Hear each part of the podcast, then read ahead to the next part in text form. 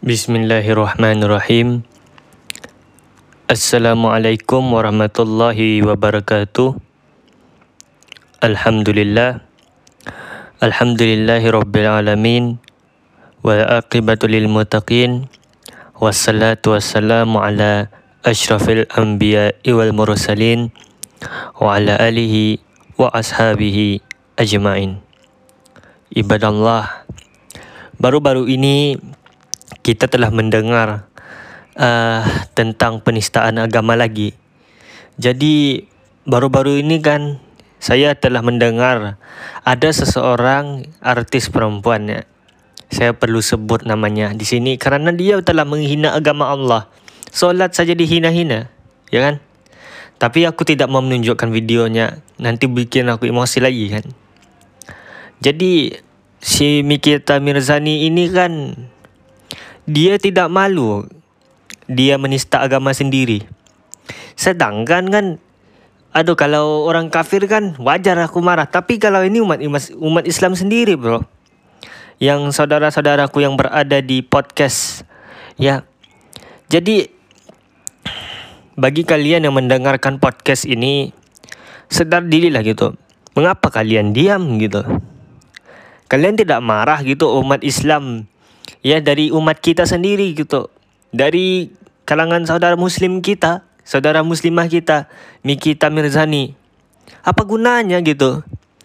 Saya membela agama gitu. Kalian patut berfikir bahawa ya penghinaan agama yang dibuat oleh Miki Tamirzani ini adalah satu kesalahan yang besar. Ya. Kalau di Brunei, di Brunei Darussalam pasti akan dibunuh lah kalau penista agama. Dihukum matilah. Kenapa? Ia telah menghina salat. Cuba berfikirlah.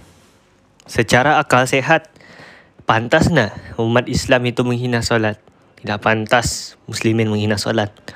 Kerana saya dulu pun juga dulu dulu sebenarnya kalau kalian patut ketahui masa lalu saya pun juga saya tidak menghina solat tapi Masa lalu semua orang masa lalu yang kelam ada.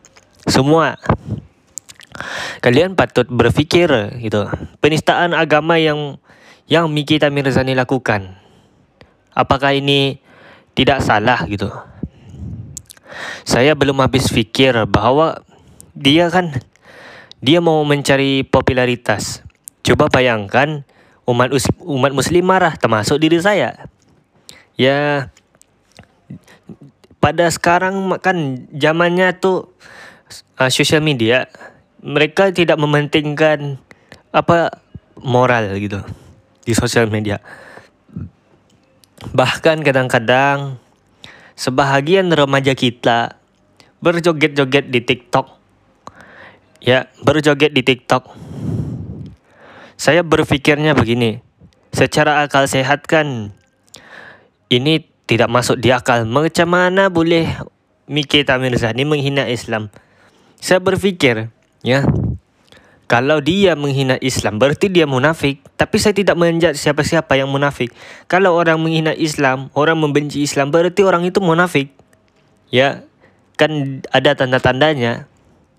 Contoh dia dia berjanji tapi tidak menepati.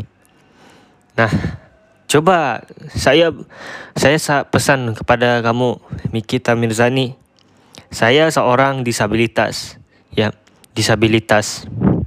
Perlu kamu ketahui bahawa penghinaan agama Islam yang kamu lakukan terhadap terhadap diri kamu sendiri maupun orang umat-umat Islam ini tidak menimbulkan kemarahan atau tidak? Masalahnya masalahnya kamu telah menghina agama sendiri. Ya, kamu fikir lagi tu. Ya, buat yang mendengarkan podcast ini, cuba share podcast ini kepada dia. Mana tahu dengan podcast ini asbabnya untuk mendapat hidayah kembali. Karena aku berfikir bahawa ini sudah keterlaluan penghinaan terhadap agama Islam yang dilakukan oleh Mikita Mirzani adalah satu kesalahan yang besar aku katakan apakah ini Islam gitu? Tidak. Ini oknum yang menghina agama Islam. Bukan saya tidak membenci agama ini.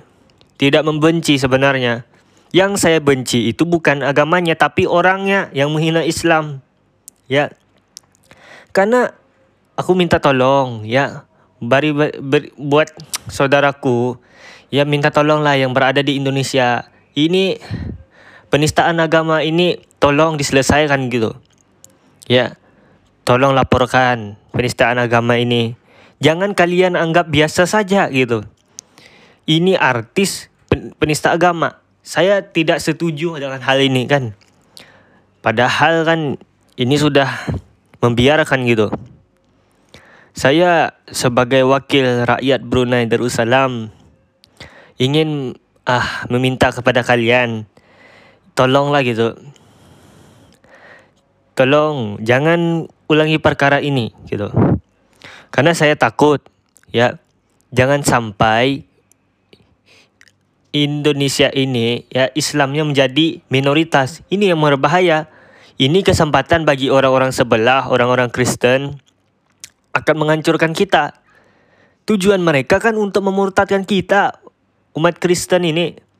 Kita harus tahu gitu. Apa yang saya mau nasihatkan saja kepada Mikita Mirzani, Tolong Jangan membuat penistaan agama seperti ini. Saya tidak tahan gitu. Tidak tahan kenapa? Karena kamu telah membenci agama. Secara automatik Automatically Kamu membenci agama Islam kan? Jadi berfikir secara akal lah. Ya Ibaratnya kalau saya itu membeli barang makan nasi ya. Ibaratnya saya beli nasi ke orang lain. Lalu saya makanku Ini kan tak logis. Tak logis. Kan? Saranku kepada Bikita Mirzani Tobatlah sebelum terlambat. Ya kan? Tobatlah Karena Allah masih menyayangimu Bikita Mirzani. Ya Saya tidak menganggapmu ini Ini penghinaan terhadapmu. Tetapi Tolong gitu. Jangan buat video seperti ini Tolong hapus videonya Perlu kamu pahami bahawa Kami sekarang Ya ini kan pejuang kita. Saya sendiri pun ikut berjuang demi Indonesia ini. Saya berjuang di dunia debat. Untuk apa? Untuk melindungi kalian lah dari pemurtadan. Mungkin itu saja podcast saya kali ini. Maaf jika ada kesalahan. Tolong maafkan saya. Saya cuma manusia biasa semuanya. Mungkin kita akhiri dulu podcast ini uh, dengan ucapan salam. Assalamualaikum warahmatullahi wabarakatuh.